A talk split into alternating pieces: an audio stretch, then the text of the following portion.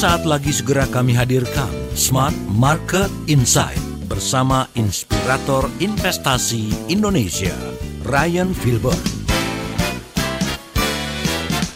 Smart Market Insight, learning, sharing, and getting success. Selamat malam, Listener. Selamat malam Indonesia. Kami doakan Anda dalam keadaan sehat, tidak kurang suatu apa pun juga, dan bisa melewati hari ini dengan kebaikan pastinya, kebermanfaatan, dan juga kesuksesan. Amin ya. Dan hari ini kita akan coba bahas tentang sebuah pilihan. Ini ada dua pilihan sih sebetulnya.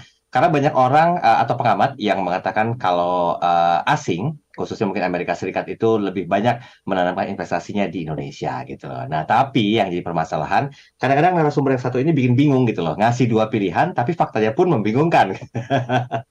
Hari ini saya Darul Adam dan juga Mas Ryan Filbert akan bahas tentang sebuah pilihan yang cukup membingungkan ya berdasarkan fakta yang tadi saya sampaikan ya, itu dari pemberitaan. Uh, apakah investasi saham di Indonesia atau di Amerika? Ini pilihan yang sangat membingungkan karena faktanya yaitu tadi banyak saham Amerika yang ada di Indonesia. Kita sapa dulu pemerhati dan juga praktisi investasi Indonesia Mas Ryan Filbert. Selamat malam Mas Ryan. Selamat malam Mas Dare, selamat malam kepada smart listeners di mana pun Anda berada. Rambutnya kenapa? Saya ada fans sama salah satu penyiar. Uh -uh. Depannya D. Uh, Oke. Okay. Terus tengahnya ada A-nya. Siapa itu? Dani, Dani. Rambutnya jadi saya bikin mirip kayaknya. Oh, Oke. Gitu. Yang penting sehat ya Mas Ryan ya dan juga cuan pastinya ya. Thank iya. you Mas Ryan. Mas, hmm. saya masuk ke tema. Ini kan pilihan yang cukup membingungkan ya karena saya yakin Smart Research juga membaca pemberitaan yang berhubungan dengan ekonomi, investasi, saham segala macamnya. Uh, kita sebut sajalah sebuah negara seperti Amerika Serikat itu kan banyak berinvestasi di Indonesia ya nggak perlu sebut brand-brandnya apa tapi jelas itu milik mereka dan yeah. diinvestasikan di Indonesia apa sih alasannya kok memberikan dua pilihan yang menurut saya sih sangat membingungkan gitu tapi saya yakin ini menjadi sebuah diskusi yang menarik malam hari ini Ya, jadi ada dua sudut pandang di sini adalah bagi kita sebagai orang Indonesia, apakah memiliki pilihan selain berinvestasi di saham Indonesia. Okay. Itu pertama. Nah, yang kedua adalah di satu sisi banyak orang dari luar negeri yang juga berinvestasi ke Indonesia. Mm-hmm. Dan kalau kita lihat ya sebenarnya kalau ambil perhatian cukup, uh, sebenarnya cukup nggak nggak harus jeli sih, tapi tiba-tiba ada beberapa brand-brand yang mungkin ya let's say dari Jepang gitu, tiba-tiba sangat ekspansif di Indonesia. Artinya kan itu lagi penanaman modal besar gitu ya. Mm-hmm. Jadi sebenarnya yang benar adalah mereka investasi ke kita atau mm-hmm. kita investasi ke negara mereka kan begitu jadinya ya. Yeah, yeah. Oke. Nah sekarang uh, kita akan coba ambil perspektif bagi kita orang Indonesia dulu nih. Okay. Kalau kita sebagai orang Indonesia itu dulu mungkin untuk investasi ke luar negeri agak sulit. Kenapa? Ada dua obstacle-nya dari pengalaman saya. Hmm. Satu adalah modalnya besar. Kalau dulu di Indonesia mungkin berinvestasi saham di Indonesia itu buka akun sekuritas itu 30 juta. Hmm. Udah besar. Hari hmm. ini juga lumayan besar. Dan pada saat itu investasi di luar paling sedikit mungkin 250 juta. Oke. Okay. Jadi udah ada obstacle lah di depan, ada barrier bahwa kalau nggak nyampe 250 juta, forget it lah.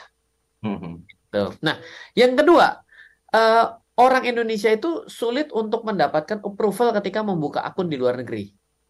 Oh, Oke. Okay. Ya karena biasa ya ada ada ada ada suatu apa ya penilaian-penilaian yang bahwa Indonesia ini mungkin agak sedikit gampang ya sehingga hmm. mungkin rawan pencucian uang juga pemberitaannya mengenai korupsi sehingga takut gitu. Jadi uh, obstacle itu sulit sekali untuk dilewati. Tapi jawabannya untuk hari ini kabar baiknya dengan adanya financial technology lalu startup startup fintech gitu ya, mm-hmm. uh, itu sudah mulai terkikis. Dan lagi pula um, akhirnya kan sudah borderless nih ya dengan adanya era internet yang begitu cepat ya. Yeah. Lalu ada namanya kecerdasan buatan Lalu hmm. ada namanya profiling user dan juga pelanggan ataupun investor dengan jauh lebih baik menggunakan sosial media.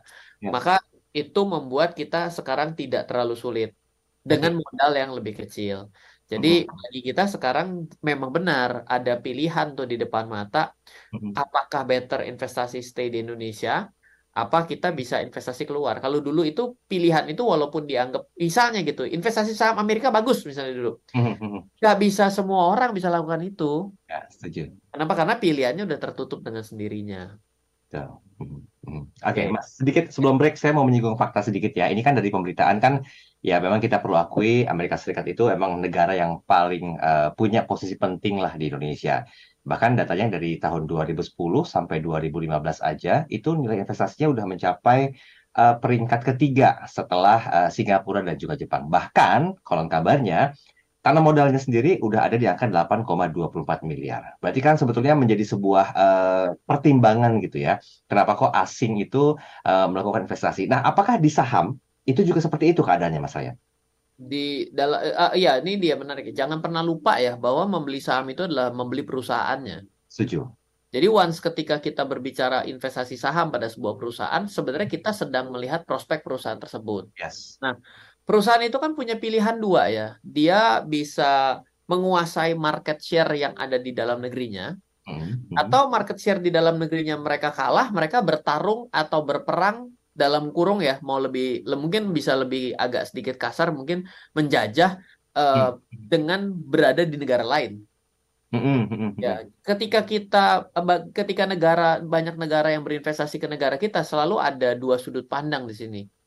Berhati-hati kalau terlalu besar penempatannya, akhirnya kita yang kerja keuntungannya baliknya ke luar sehingga kita tidak menerima keuntungan padahal kita yang menjadi konsumen. Bisa tuh ke arah sana. Ya, ya, ya, Tapi yang kedua adalah kita sadar bahwa yang namanya percepatan pertumbuhan hmm. itu tidak akan pernah bisa menjadi lebih cepat bila hmm. uangnya kurang. Ah, oke. Okay, okay. Iya dong. Sekarang ya, ya. kita bilang, wih potensi saya bagus loh. Iya, tapi hmm. saya kekurangan uang. Terus gimana cara kamu untuk bisa ya? Saya perlu setoran uang. Nah, setoran uang itu cuma dua pilihannya. Hmm. Diinvestasikan atau diutangin. Tinggal pilih nih.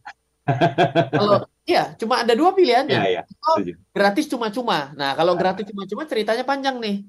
Biasa ada udang di dalam kerupuk, di balik kerupuk, di balik bakwan, semua tuh ceritanya begitu. Di balik tepung tepatnya, nggak ada udang. Iya, sesuatu yang free, ya sorry, nggak ada freelance. Yes. Pasti ada sesuatu di sana gitu. Nah, itu terms and condition apply-nya must be careful di situ gitu. Jadi yes. right. diinvestasikan iya bagus dan artinya negara kita memang punya prospek gitu, tapi uh, seperti apa investasinya dan apa sudut pandang mereka sebenarnya gampang ya. Hmm. Mereka hmm. siap investasi jangka panjang. Oh, Oke. Okay. Jika mereka punya kata kunci jangka panjang, ini anggapan anggapannya adalah anggapan yang bagus dulu deh. Hmm.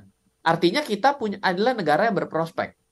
Ya, betul. Gitu. Dan mereka punya investasi mungkin siap 25 tahun, mungkin mereka siap 30 tahun, dan mungkin kita justru sebagai orang biasa mungkin nggak punya kekuatan itu kan. Oke. Okay atau punya tapi nggak mau jangan, ah. jangan jangan apa ya uh, uh, perspektif yang minim dulu Bentar, simpan dulu. Pokoknya habis dah sesi pertama nih bikin. Ini kalau share nama saya kok agak ngegas tinggi ya. Sama teman saya enggak ya. kita break dulu ya Mas Ryan ya. Nanti kita bahas lebih detail di sesi yang uh, kedua. Nah, kami undang komentar Anda. Anda juga boleh berkomentar kalau misalnya Anda tertarik untuk investasi di Indonesia, ya kenapa gitu loh, ketimbang investasi saham di Amerika Serikat. Nanti kita sambung di sesi yang berikutnya. Uh, 0812 11 12 959 masih kami buka untuk lain komunikasi. Mau tanya langsung dengan Mas, Mas silakan. Atau di kanal YouTube Smart FM. Kami segera kembali. Tetaplah bersama kami dalam Smart Market Insight Learning, Sharing, and Getting Success. Memperingati hari jadi ke-27, Smart FM kembali berkolaborasi dengan Hotel Borobudur Jakarta dalam Smart Business Lunch Anniversary Edition. Anda bisa bertemu, mendapatkan insight dan makan siang bersama Dr. Anthony Dio Martin, narasumber tetap Smart Emotion, praktisi bisnis, ahli psikologi, the best EQ trainer Indonesia. Catat tanggalnya Sabtu 24 Juni 2023 jam 9 sampai jam 13 waktu Indonesia Barat. Dengan Rp400.000, Anda akan mendapatkan pembekalan ciamik dan bermanfaat seputar pengelolaan kecerdasan emosi, e-certificate, door prize berupa voucher menginap di hotel terkemuka di Jakarta. Anda yang beruntung akan mendapatkan kesempatan makan siang bersama dengan announcer Smart FM.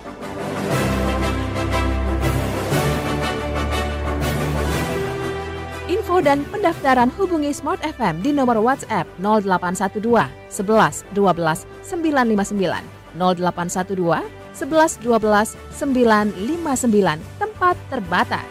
Smart Business Lunch Anniversary Edition dipersembahkan oleh Smart FM, The Spirit of Indonesia, part of KG Radio Network, didukung oleh Hotel Borobudur, Jakarta.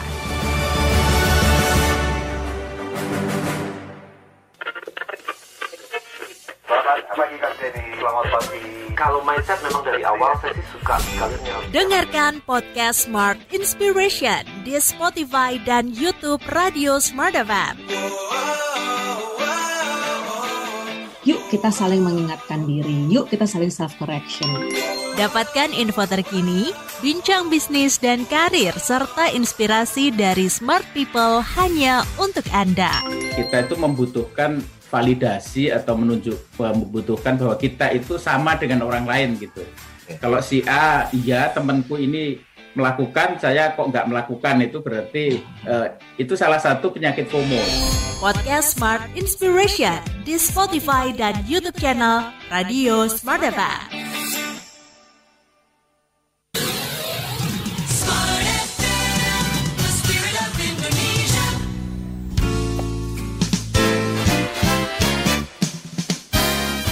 Kembali Anda ikuti Smart Market Insight bersama Ryan Filbert, inspirator investasi Indonesia. Terima kasih Anda masih bersama kami dalam program Smart Market Insight. Tentunya setiap hari Selasa dari mulai jam 7 sampai dengan jam 8 malam waktu Indonesia Barat bersama dengan pemerhati dan juga uh, pakar investasi Indonesia dan Mas Ray Gilbert ya. Ini sebenarnya dua pilihan yang uh, mungkin bisa kita lakukan, tapi tergantung bagaimana Anda melihat perspektifnya. Apakah mungkin juga perspektif dari uh, fakta atau perspektif dari pemberitaan yang yang ada di di media cetak, mungkin juga di media media uh, televisi, sehingga membuat Anda memilih ya udah dah better investasi saham aja deh di Indonesia ketimbang investasi saham di uh, Amerika Serikat misalnya. Di sesi pertama tadi saya sudah sempat memintakan uh, keadaan uh, atau mungkin juga gambaran besarnya dari dari apa yang terjadi dan memang faktanya dari pemerintahan itu banyak kok perusahaan-perusahaan Amerika Serikat yang memang ada di Indonesia dan mereka tuh dalam tanda petik betah gitu ya. Seperti mungkin uh, Coca-Cola, Google, IBM, Intel, HP, uh, ada Nike, Philip Morris dan itu kan semua perusahaan besar gitu loh. Nah, balik ke statementnya Mas Ryan tadi, kalau kita berinvestasi saham Artinya kan kita berusaha untuk membeli perusahaan tersebut dalam tanda petik ya Mas Ryan ya. Sehingga secara otomatis ya kita berinvestasi terhadap negara asing yang ada di Indonesia. Nah ini kita luruskan dulu Mas Ryan. Di antara dua pilihan ini yang sebetulnya perlu dilakukan oleh uh, masyarakat Indonesia yang mereka selalu menggembur-gemburkan cinta Indonesia, cinta dalam negeri. Nah itu bagaimana Mas Ryan?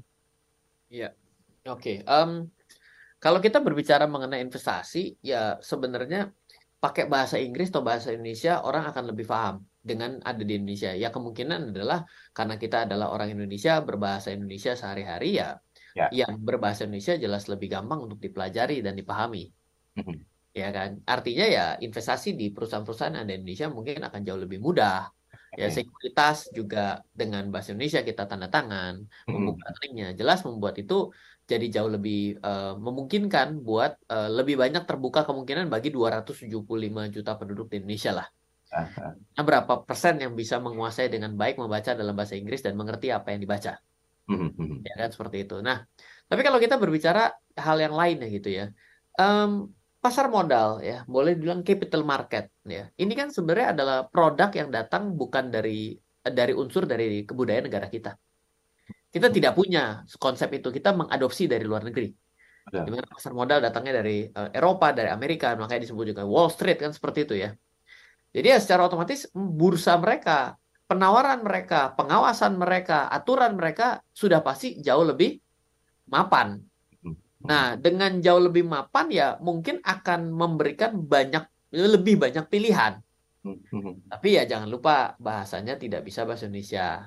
Ya. Jangan lupa jam bukanya beda sama kita. Betul. Ya kan, jam bukanya sekarang baru mau mulai buka nih. Hmm. Artinya kita tidak bisa mendapatkan uh, penjelasan yang mudah dan waktu yang berbeda, membuat waktu kita untuk berinvestasi juga jadi terbalik gitu.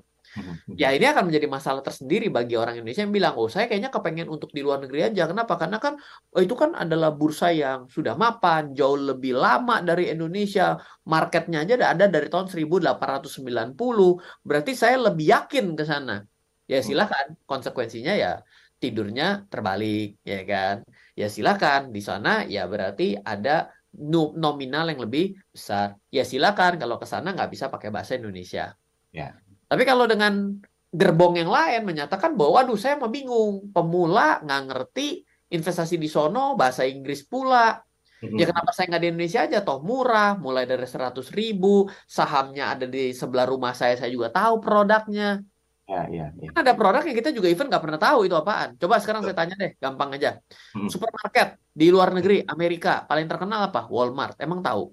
Pernah ada dulu tahun 98. Ya, ya, ya. Tapi nggak ada. Lah terus kita ada tuh saham di sana. Terus ya kita beli. Tapi kan bagus loh. Ya dan tidak makanya sesuatu yang ada di jauh sana ada di sebelah rumah kita ada minimarket nih. gitu.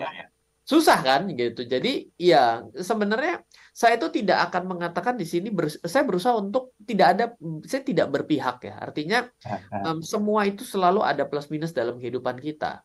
Nah, investor itu akan harus seperti itu, apalagi yang memberikan edukasinya. Sehingga edukasi yang berimbang itu membuat orang selalu tahu bahwa ketika kita pilih yang kiri, yang kanan ada bagusnya loh. Ya, ya. Ketika kita pilih yang kanan, yang kiri ada jeleknya dan bagusnya juga. Setuju. Makanya kita pilih yang kanan gitu. Nah, Mhm. hal seperti ini yang sangat penting. Kenapa? Karena ketika resiko terjadi, kita itu telan barengan dengan potensi untung yang kita terima. Masyarakat Indonesia itu siap terima untung, lupa ngelihat rugi. Akhirnya ya susah ya, belajarnya kan separuh. Ya, ya. ya. Saya kebalik, Mas. Kalau saya lebih mengingat rugi daripada untung. Nah, ini adalah keterbalikan juga karena efek ketidaktahuan kita membuat kita terlalu parno.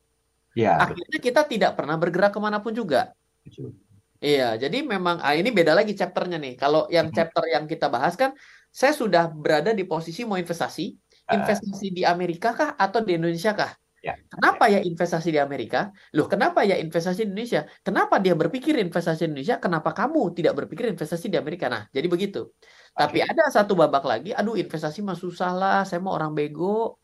Mhm. Apa itu investasi? Nggak ngerti lah, saya mah tahunya dagang aja ya kan, beli, untung, jual, ya. udah beres begitulah gitu. Nah, ini chapter yang berbeda lagi di sini. Jadi memang, nggak usah masuk ke chapter itu, Mas. oh nggak, nggak boleh, nggak boleh. Bukan boleh. bahasan kita soalnya. Oh, kirain mau dibablas. Jam 12 Jangan. malam nggak apa-apa. Tapi Jangan. live dulu sebentar, sejam, dan saya balik lagi. Sesi kedua ya. Tapi gini Mas, saya tertarik eh, menyikapi sedikit saat penyamasalan tadi. Kalau misalnya eh, kita disclaimer mungkin ya, kita tidak mem- eh, membuat satu keberpihakan. Eh, bagusan di Indonesia ketimbang di Amerika nggak gitu juga. Itu kan berarti nggak netral gitu ya, atau sebaliknya. Nah, boleh nggak disampaikan Mas Ryan, eh, apa plus minus yang menjadi sebuah pertimbangan ketika investor yang masih kategori pemula itu memutuskan untuk berinvestasi saham di Indonesia? Begitu Oh. pula dengan yang di Amerika gitu loh. Walaupun kendala bahasa sekarang kan setidaknya masih bisa punya solusi lah ya ada chat GPT segala macamnya itu kan mampu men- melakukan bentuk eh, tools pertolongan lah untuk bahasa. Ya, begini, di Indonesia itu total total sahamnya ada 800 lebih. Ya. Berarti eh, ada menu makanan di depan kepala di depan kita saat ini ada 800 perusahaan yang bisa kita beli dengan uang kita. Let's say Hmm. uangnya ada dulu deh. Di Amerika itu eh, untuk saham aja ada eh, Russell ya, itu 2000. Itu baru indeksnya doang. Oh, Ya, baru satu nih, baru Russell, belum yang lain. Nasdaq jauh ya. Kamu mulai sih mungkin 3000 kali, apa 4000. Ah, Ya ini kita pemula datang tiba-tiba makanannya ada berapa menu? Ada 4000 mas. Nah, 4000. Lah 800 aja bingung ya kan. Nah, salah tuh gitu. Nah, pilihan semakin banyak kadang bukan membuat orang akhirnya memilih loh. Betul. Pulang dia, mabuk kok nggak makan deh, puasa aja. Ah, Nah, itu masalah tuh di situ. Oke. Nah, jadi jangan lupa ya, faktor pengali itu selalu ada gitu. Eh, Amerika yang namanya chapter kebangkrutan untuk perusahaan itu lebih rame lagi dari Indonesia. Hmm. Nah, itu resiko juga gitu. Kenapa? Karena pilihan menunya banyak, maka ya gagal akan lebih banyak gitu. Itu kan sudah hukum gitu ya. Ya, betul, betul. Iya, jadi ya bagi pemula ditaruh di lautan yang tambah luas dan tambah dalam bukan menjadi sesuatu yang bagus kadang-kadang. Oke, dan tidak masuk dalam kategori saatnya untuk belajar ya Mas Ren ya? Sekarang? Enggak, dalam dalam artian sepertinya Mas Ren tadi, ketika lautannya begitu luas, pemula dicemplungkan di sana kan bukan bukan pas waktu yang pas untuk belajar gitu kan? Ah, ya ini kembali lagi. Ah, ini lucu.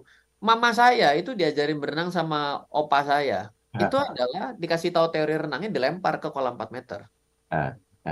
Lah berjago berenang juga mau nggak mau harus bertahan hidup ya. Betul. Nah iya, jadi ada orang yang memang cocok dengan satu cara belajar yang memang beda gitu.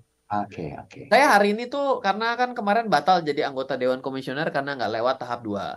Ya, oh kan? gitu? Nggak lewat. Uh, nah, ya udah kurang apa lagi sih sekarang? Nah kurangnya banyak ini kurangnya banyak. Tapi saya bilang gini sama sama tim saya, jangan khawatir ya. Uh. Apa pun jenis berhasil dan gagal, saya akan mempelajari satu hal baru saya bilang. Okay. Kalau sampai nggak berhasil, maka saya benar-benar akan fokus untuk belajar full stack developer, full stack untuk programming. Tadinya kan saya hanya sebagian, cyber security sebagian, lalu habis itu data analitik ya kan sebagian ya, machine learning sebagian. Nah sekarang saya benar-benar full stack lagi belajar nih, sudah hari ketujuh. Oh, oke. Okay. Ya, jadi, nah waktu yang ngajarin saya sebenarnya oh, partner saya juga gitu, dia bilang kenapa harus sekarang? Ini susah loh, nggak apa-apa. Saya hmm. spesialis bola susah, saya bilang. Makin susah. nah, ada juga yang orang rada lucu gini, gitu loh. Nah, jadi kalau ada yang bilang, ih kan susah kalau ke sana terlalu mapan, terlalu besar, pilihan nanti malah jadi bingung. Betul, tapi ada orang yang suka datang ke situ untuk nyari susah. Uh, kan satu, salah satunya. Ya, ya, ya. ya. Udah 37 tahun loh, tapi mau belajar. Oh, kita sudah seusia, masih seusia ya sepertinya ya? Se seusia ya? Lo Anda baru kan 17 katanya. Enggak, saya bilang kan sepertinya. Oh, seperti. Oke, baik, baik. Tanggung saya melanjutkan Mas Ryan. Mohon izin untuk break sebentar ya, karena uh, dulu kita pernah membahas tentang keadaan Amerika Serikat yang penuh dengan hutang ya. Ini saya coba relatekan saat ini gitu. Lagi dinaikin plafonnya tuh aman tuh, bisa aman sekarang. Karena lumayan. Ah, The Fed belum bilang kok. Oh, naik ini tenang aja. Cuy, capek Katanya loh ya. Enggak, enggak. Nanti kita coba lihat ke sana ya. Coba just in case memang uh, keadaan Amerika Serikat secara ekonomi masih uh, begitu terpuruk. Apakah ini momentum? Nah, benar kan? Investasi di sana kan cukup menakutkan kan? Udah di Indonesia aja. Kita coba luruskan itu di perspektif newsnya. Sekarang nih. Sekarang, sekarang. Enggak, ntar dong. Break dulu. Oke, okay, baik. Seruput kopi dulu. Nanti kita oh, siap. Di sesi yang berikutnya. Kenapa? Mirip Holman kalau di TV. Iya, beda rezeki aja, Mas. Holman. Bukan Holman, Hotman, Om.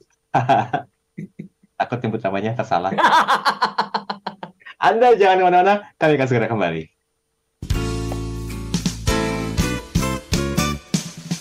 Tetaplah bersama kami dalam Smart Market Insight Learning, Sharing, and Getting Success.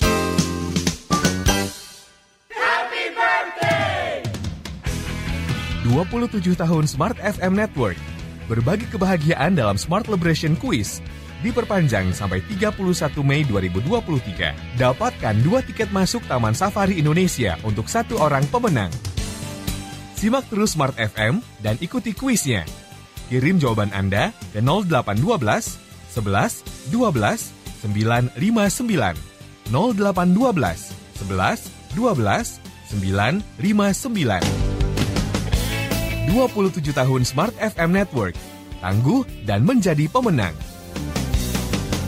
Smart FM, the spirit of Indonesia. Part of KG Radio Network. Dunia kini berubah, ragam informasi tersaji dari berbagai platform. Tetapi apakah Anda tahu sejauh mana kebenaran informasi tersebut? Hati-hati dengan informasi yang Anda konsumsi. Informasi yang didengar, dibaca akan tersimpan di pikiran dan mempengaruhi keputusan dan tindakan kita. Smart FM, The Spirit of Indonesia, menjadi sahabat terbaik Anda. Menghadirkan lebih dari sekedar informasi yang menghibur, namun mengungkap kebenaran, berbagi inspirasi, dan bersama-sama merawat asa. Apakah yang dimaksud dengan sukses adalah maka bila sosialisasi berkurang maka secara otomatis e, keuangan berputar itu akan menipis. Di digital kamu lakukan apa pun rekam jejak digital kamu dan kapan saja tinggal dibuka. Subscribe YouTube Smart FM dan mari nikmati berbagai layanan video Smart FM di YouTube channel Smart FM. Semua kami hadirkan untuk mengedukasi, menginspirasi, menguatkan, dan bersama Anda merawat asa. Smart FM business and inspiration. So, pastikan subscribe YouTube channel Smart FM.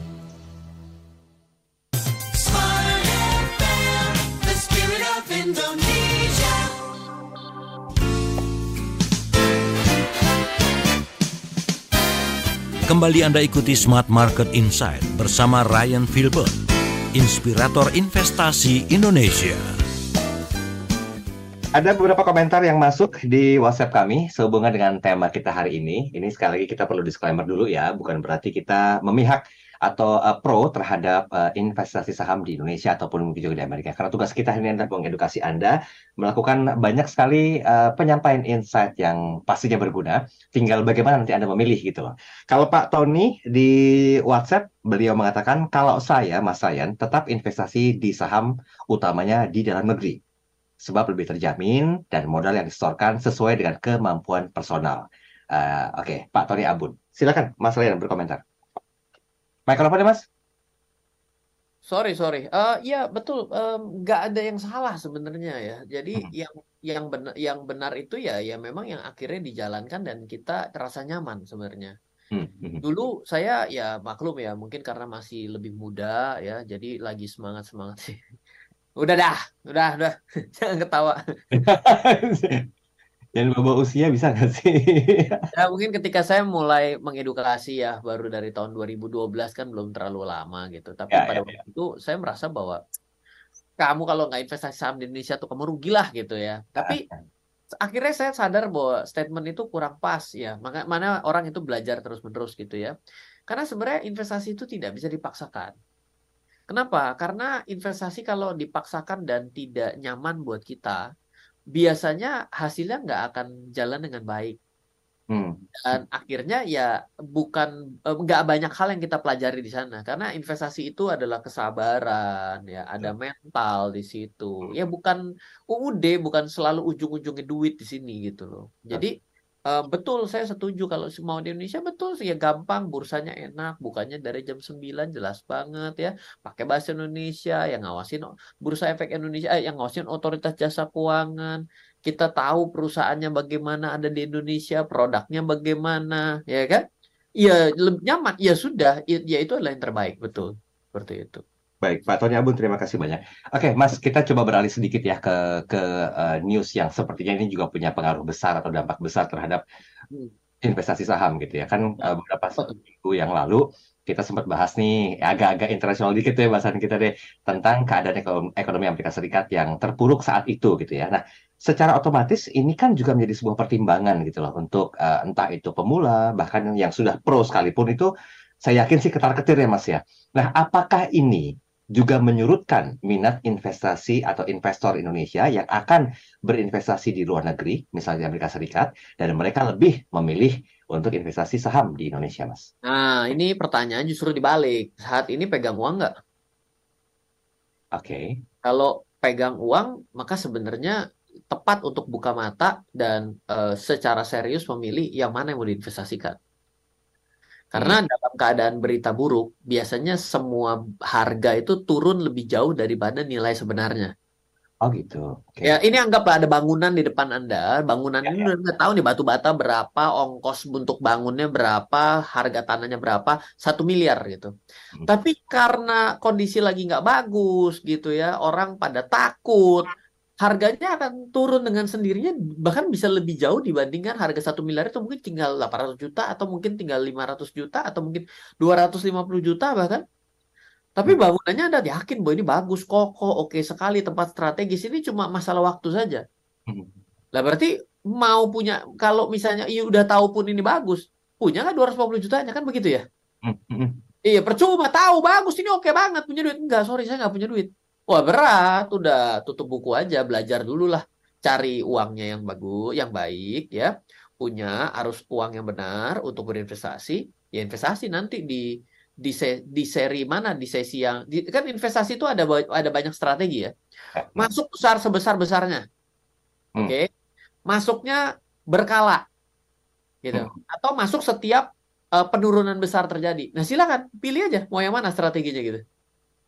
Hmm. Itu. Jadi kalau kita bicara mengenai dengan banyaknya berita buruk pada saat ini, ya bagus kalau mau investasi dan punya uang ya ini adalah waktu yang tepat karena ada harga-harga yang tidak rasional yang akan terjadi pada saat ini.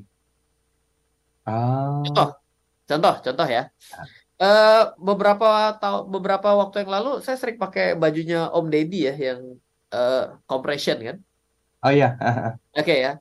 Itu eh, harga yang saya beli tuh saya borong mungkin hampir 7 losin kali itu. Uh. Waktu itu karena saya udah eh, ada saya, saya suka dengan eh, bahannya gitu saya beli 7 losin. Itu adalah harga termurah yang hari ini pergi ke counter mana pun nggak ada nggak dapat. Mau di Indonesia mau di Eropa saya sudah datang itu nggak ada harga yang termurah itu. Jadi tapi saya mau bukan bukan jualan karena saya mau pakai sendiri gitu kan. Nah itu ya itu kayak gitu gitu loh. Pada kenapa? Karena pada saat itu pandemi mau jualan juga bingung, datang tokonya nggak ada, bingung mau gimana. Akhirnya stoknya melimpah ruah dia mungkin harus bikin seri baru gitu kan. Hmm. Itu udah sell habis. Hari ini pun kalau saya jual satu untung tiga kali lipat. Hmm. Iya maksudnya contoh sederhana dulu ya gitu ya. nggak sih ini ngasih tahu sebenarnya kalau butiknya juga laris gitu kan. Eh, Kena juga masuknya gampang ya dengan saya. Ya, nanti saya, saya nanti saya mau kayak salah satu ini ah, salah satu narasumber di sini lah. Saya mau jualan, saya mau bikin laundry aja lah. Oh, jangan dong. Itu kan Nggak boleh ya? udah ada. Yang lain lah. Ya beda ini beda ini laundrynya. Apa motor gede kayak apa kayak.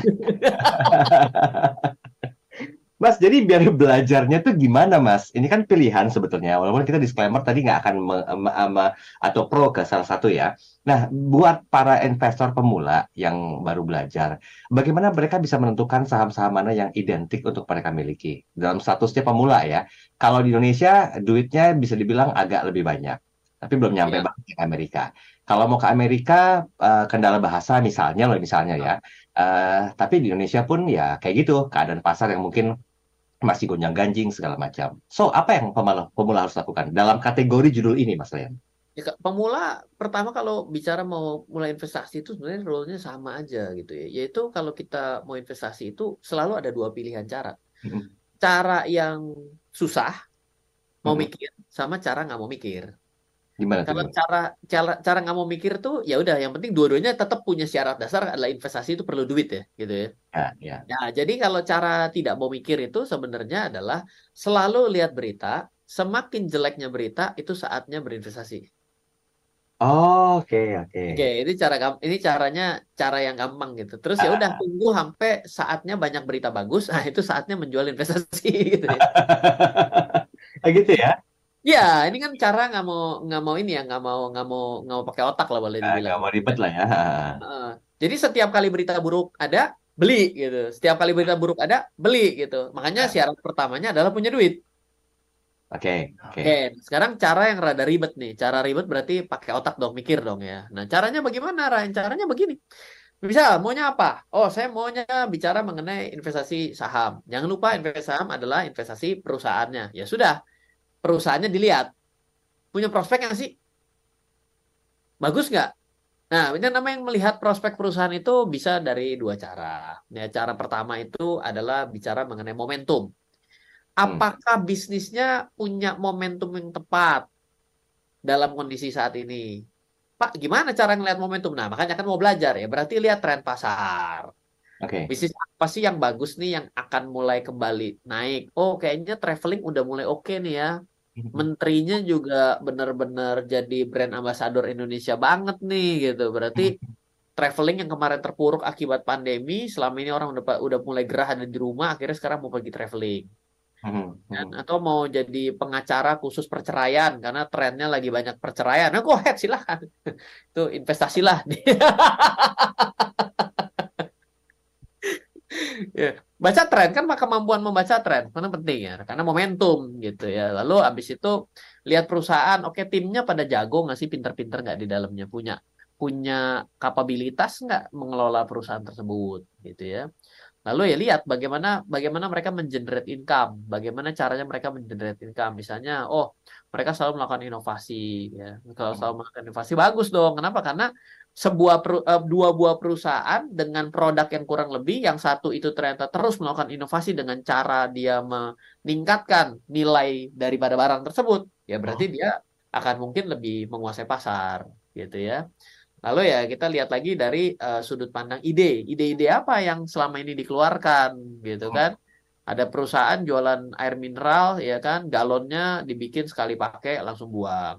Oke. Lalu Ah, ah. ada juga yang bikin eh, itu air mineral eh, botol tapi botolnya sangat kecil setara air yang air yang air mineral yang dalam gelas. Ya kan? Itu juga TBK gitu kan.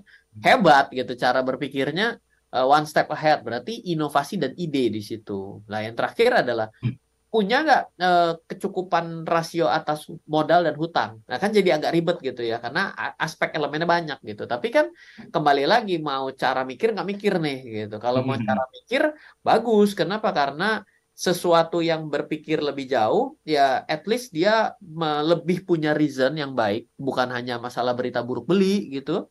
Oke. Dan kedua, dia mungkin mendapatkan sesuatu yang mungkin lebih besar ya Hasilnya. Ya ya kan orang selalu berpikir gini yang namanya usaha biasanya ha- tidak mengkhianati hasilnya gitu kan ya kan? Jadi ya boleh juga usaha yang besar akan menghasilkan hasil yang besar. Iya meskipun belum tentu sih gitu. Tapi tetap ada hukumnya ke arah sana seperti itu. Oke, itu dibahas di buku nggak? Masuk pelan-pelan Oh, nih. Wah, tenang. Kalau buku ini kan sebagai penulis buku terbanyak investasi di Indonesia dari tahun 2012 sampai 2023. Nah, buku-buku yang membahas mengenai investasi seperti ini, saya sarankan coba beli dari tiga buku. Ya, yang pertama itu buku judulnya Yuk Belajar Nabung Saham. Ini belajar Ah, saham lokal nih, full belajar saham lokal. Ya, Hmm. dan mindset investasi berkala. Lalu ada trading versus investing. Hmm. Karena ketika kita belajar investasi, di ujung sana bilang, ih ditahan lama-lama, jual besok kalau udah untung. Nah ini namanya otak dagang. Ah, Ini harus belajar nih trading versus investing. Lalu yang ketiga itu yang paling basic yang mungkin mau mikir lebih jauh, itu belajar laporan keuangan dan hal yang lain namanya investasi saham ala fundamentalis dunia. Ini bukunya yang terakhir ini dapat penghargaan sebagai buku investasi terbaik kedua dari eh, Perpusnas, Perpustakaan Nasional. Iya. Jualan saya- lancar, tenang aja, padahal Iya. jalan loh. Padahal mah tadi saya cuma nanya dibahas nggak di buku. Sebenarnya jawabnya bisa. iya dan enggak gitu ya. Langsung ngomong, nggak aja. bisa. Jarang jualan, Smart FM masih jualan sih. Tenang Iya aja. benar. Kalau nggak. Oke mas, kita break dulu ya. Nanti kita sambung di sesi yang terakhir. Anda jangan ke mana-mana. Komentar Anda masih kami tunggu di 0812 11 12 959 atau di kanal YouTube kami. Eh, jangan lupa untuk like dan juga subscribe. Kami segera kembali. Tetaplah bersama kami dalam Smart Market Insight, Learning, Sharing, and Getting Success. Smart FM, the spirit of Indonesia. Kami hadir di kota-kota Indonesia. Manado, Makassar, Banjarmasin, Balikpapan, ada di Palembang, Medan, Pekanbaru, Surabaya, Ayo re. Yogyakarta, dan Jakarta. Kicir-kicir inilah dunia. Bukan sekedar menjadi radio penghibur, tapi menjadi partner Anda untuk maju bersama. Berbagai program kami hadirkan bersama narasumber kompeten di bidangnya. Segera hubungi kami di 021 633 7783 atau kirim email ke smartfm9590 at gmail.com. Segera kami hadir di tempat Anda mengemas segala kebutuhan Anda. Smart FM, Business and Inspiration.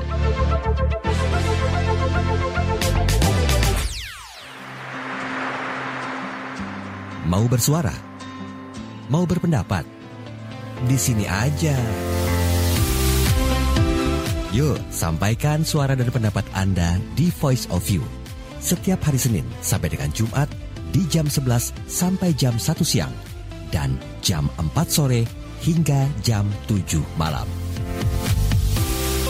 Sampaikan suara atau pendapat Anda ke WhatsApp Smart FM 0812 11 12 959 dan dapatkan hadiah menarik. Jangan lupa tulis nama dan domisili Anda. Smart FM, part of KG Radio Network, Business and Inspiration.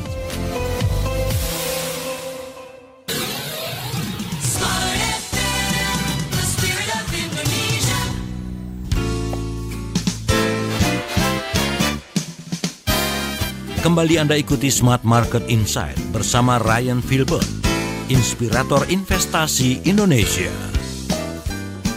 Sesi terakhir bersama dengan Mas Ryan Filbert dan ada saya Daryl Adam di program Smart Market Insight. Sejatinya kita uh, bisa memilih ya dari apa yang disampaikan oleh Mas Ryan Filbert. Uh, betul-betul kita jaga untuk tidak memihak atau pro ke Indonesia ataupun mungkin juga ke Amerika Serikat untuk urusan investasi saham ya. Ini perlu kita luruskan dulu nih agar uh, ada pemahaman tersendiri mana yang bisa Anda pilih gitu lah. Nah, tadi ditunjang juga dengan uh, apa ed bentuk edukasi yang bisa Anda lakukan lewat baca buku. Ada tiga buah buku yang uh, bisa menjadi uh, pilihan untuk belajar, yaitu buku-bukunya Mas Ryan Filbert. Ini bukunya bisa didapatkan di mana Mas? Uh, apakah memang langsung pesan lewat uh, Instagram atau di toko buku offline juga masih ada atau ada e-book? Sebenarnya karena buku ini adalah buku bestseller nasional, C, bisa aja nih ya jawabannya jawabannya. Keren kan?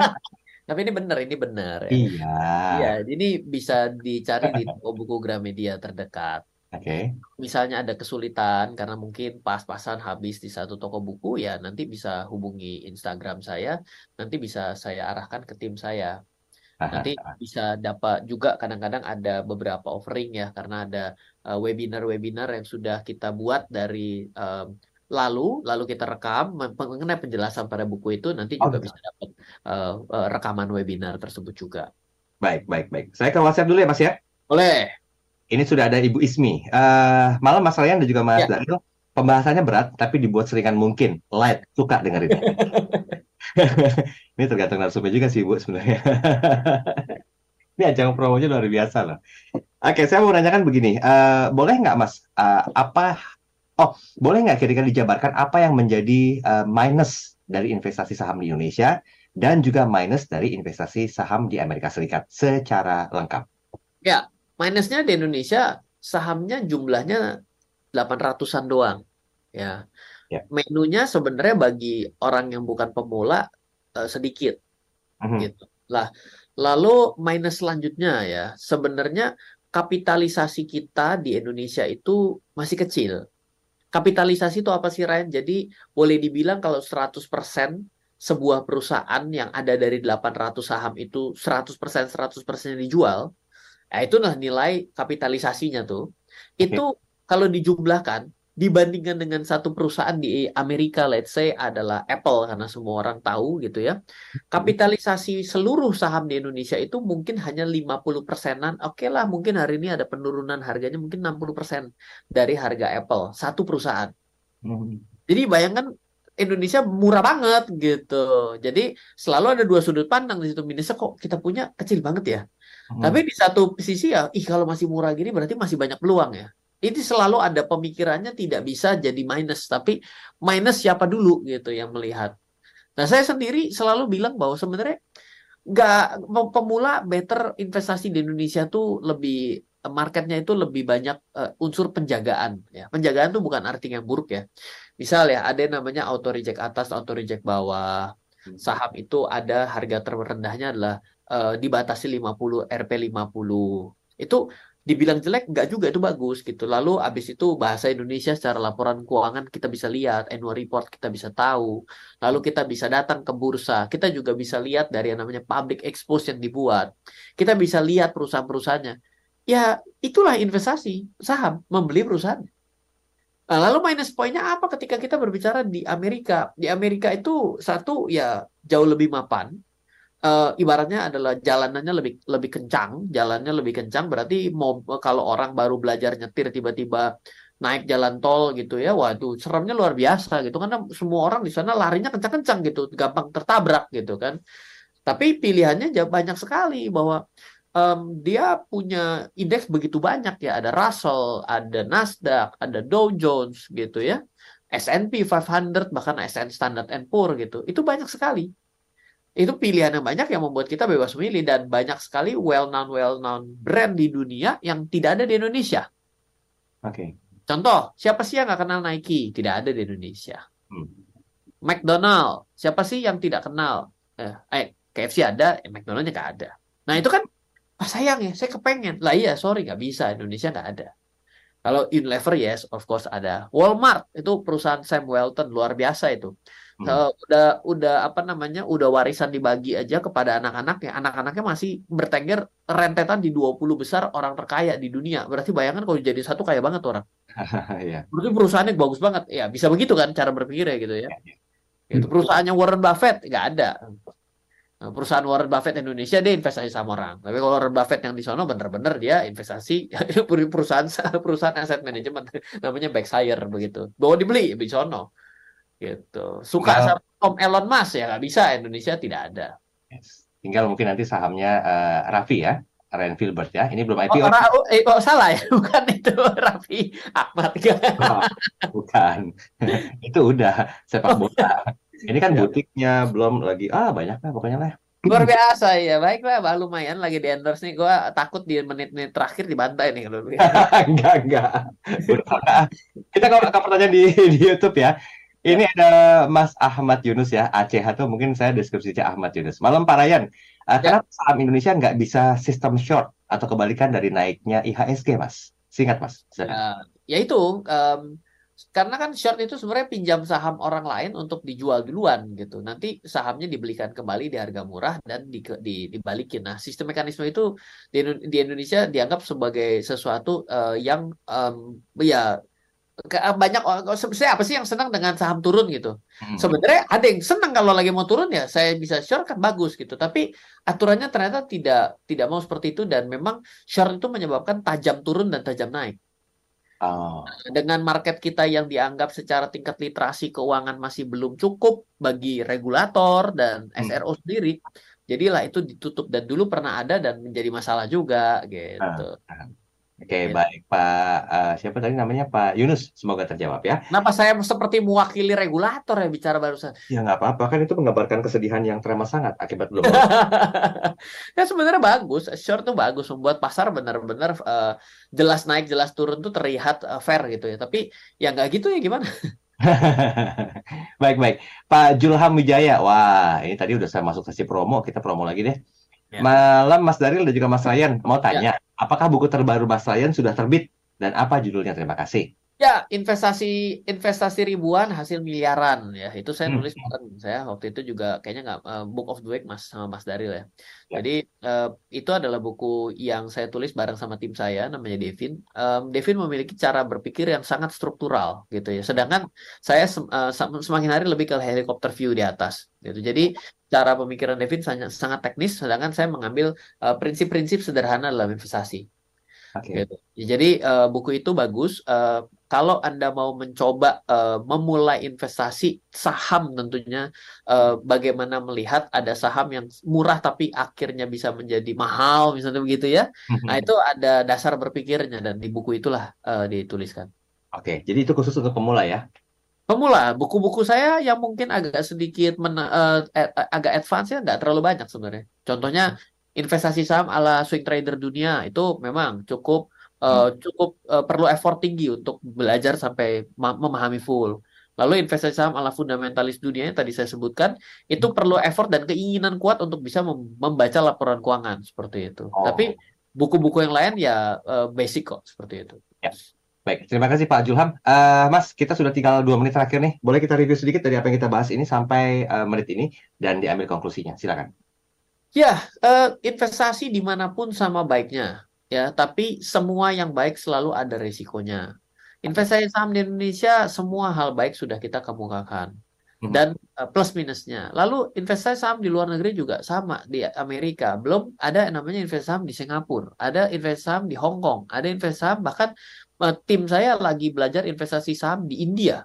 Oh. Kenapa? Karena India menjadi salah satu yang padat penduduknya, gitu ya. Itu berarti padat penduduknya berarti negaranya berkembang. Ke- Peluangnya seperti itu. Indonesia negara berkembang juga, penduduknya jebol jebol ini, jebol eh, target terus gitu. Nah, itu bagus gitu. Jadi itu juga bisa. Jadi dengan keadaan bordernya ini semakin tipis akibat yang namanya teknologi, maka kita itu bisa investasi di mana pun. Yang jadi masalah adalah sebenarnya investasi di mana pun cara membacanya selalu kurang lebih. Jadi jangan berpikir bahwa investasi di Indonesia cara bacanya beda dengan cara investasi di Amerika.